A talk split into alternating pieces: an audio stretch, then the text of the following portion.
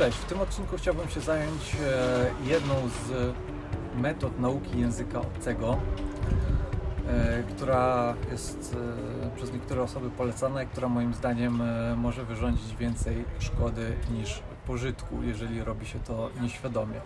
Chodzi tutaj o tłumaczenie, chodzi o naukę przez tłumaczenie. Na jednym z anglojęzycznych kanałów podobnych do mojego autor tego kanału e, zachęca bardzo do uczenia się języków metodą, która polega na tłumaczeniu tekstów w obie strony. I nie twierdzę, że nie da się w ten sposób nauczyć języka. Oczywiście można to zrobić.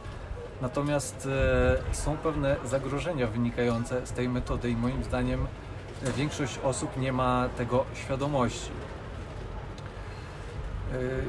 Dla przykładu mogę Ci powiedzieć, jak e, wyglądała sprawa z tłumaczeniami na moich studiach, które kształcą między innymi tłumaczy. Studia te wyglądały tak, że przez pierwsze e, dwa lata nie miałem tłumaczeń w ogóle i e, uczyłem się dwóch języków obcych i na tych zajęciach no, był nieoficjalny zakaz mówienia po polsku. Jeżeli ktoś już coś po polsku powiedział, no to było to przyjmowane mniej więcej tak, jakby powiedział jakieś e, przekleństwo. E, więc e, to, to może Ci coś uświadomi i moim zdaniem to nie było takie głupie, choć wtedy takie mi się wydawało. Jeżeli chodzi o naukę przez tłumaczenie, to mamy tutaj dwie możliwości. Możemy albo tworzyć te tłumaczenia samodzielnie, albo możemy wziąć sobie dwa teksty w dwóch językach i e, je ze sobą porównywać. Mm. Niezależnie od tego, którą z tych wersji wybierzesz, e, są tam pewne wady.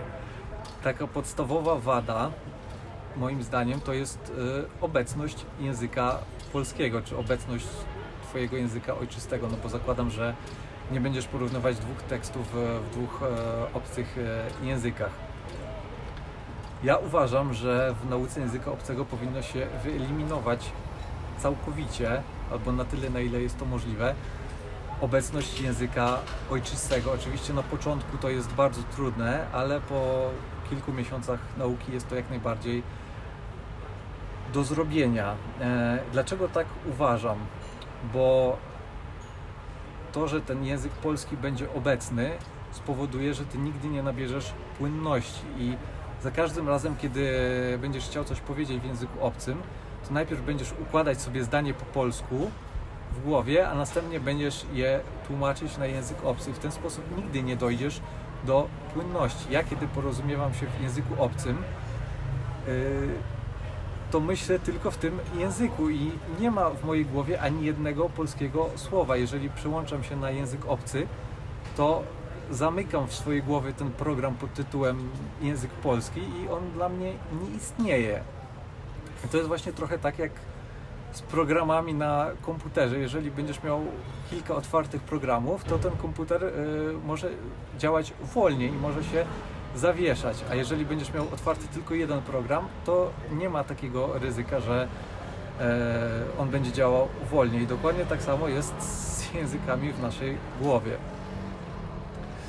Kolejną wadą e, nauki przez tłumaczenie jest to, że w Twojej głowie może powstać takie mylne wrażenie, że słowo z języka A równa się słowu z języka B, że tam jest znak równości, a ten znak równości prawie nigdy nie jest prawdziwy. To może być e, przybliżona równość, bo pamiętaj o tym, że tłumaczenie to nie jest matematyka.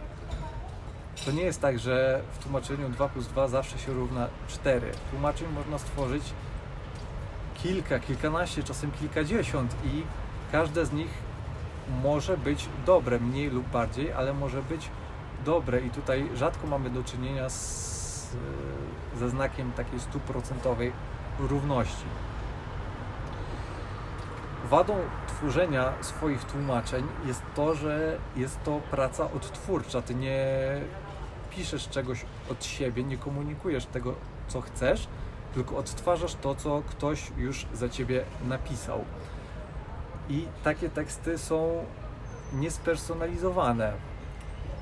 One są dla ciebie w pewnym sensie obce. Ty nie piszesz o tym, co chcesz, nie piszesz o tym, co cię interesuje, nie piszesz o swoich doświadczeniach, tylko przepisujesz to, co ktoś już napisał. I w ten sposób dużo trudniej się zapamiętuje, dlatego dużo bardziej będę polecał takie metody jak chociażby codzienne pisanie pamiętnika w języku obcym, bo wtedy piszesz o swoim życiu, piszesz o tym, co ma dla ciebie znaczenie.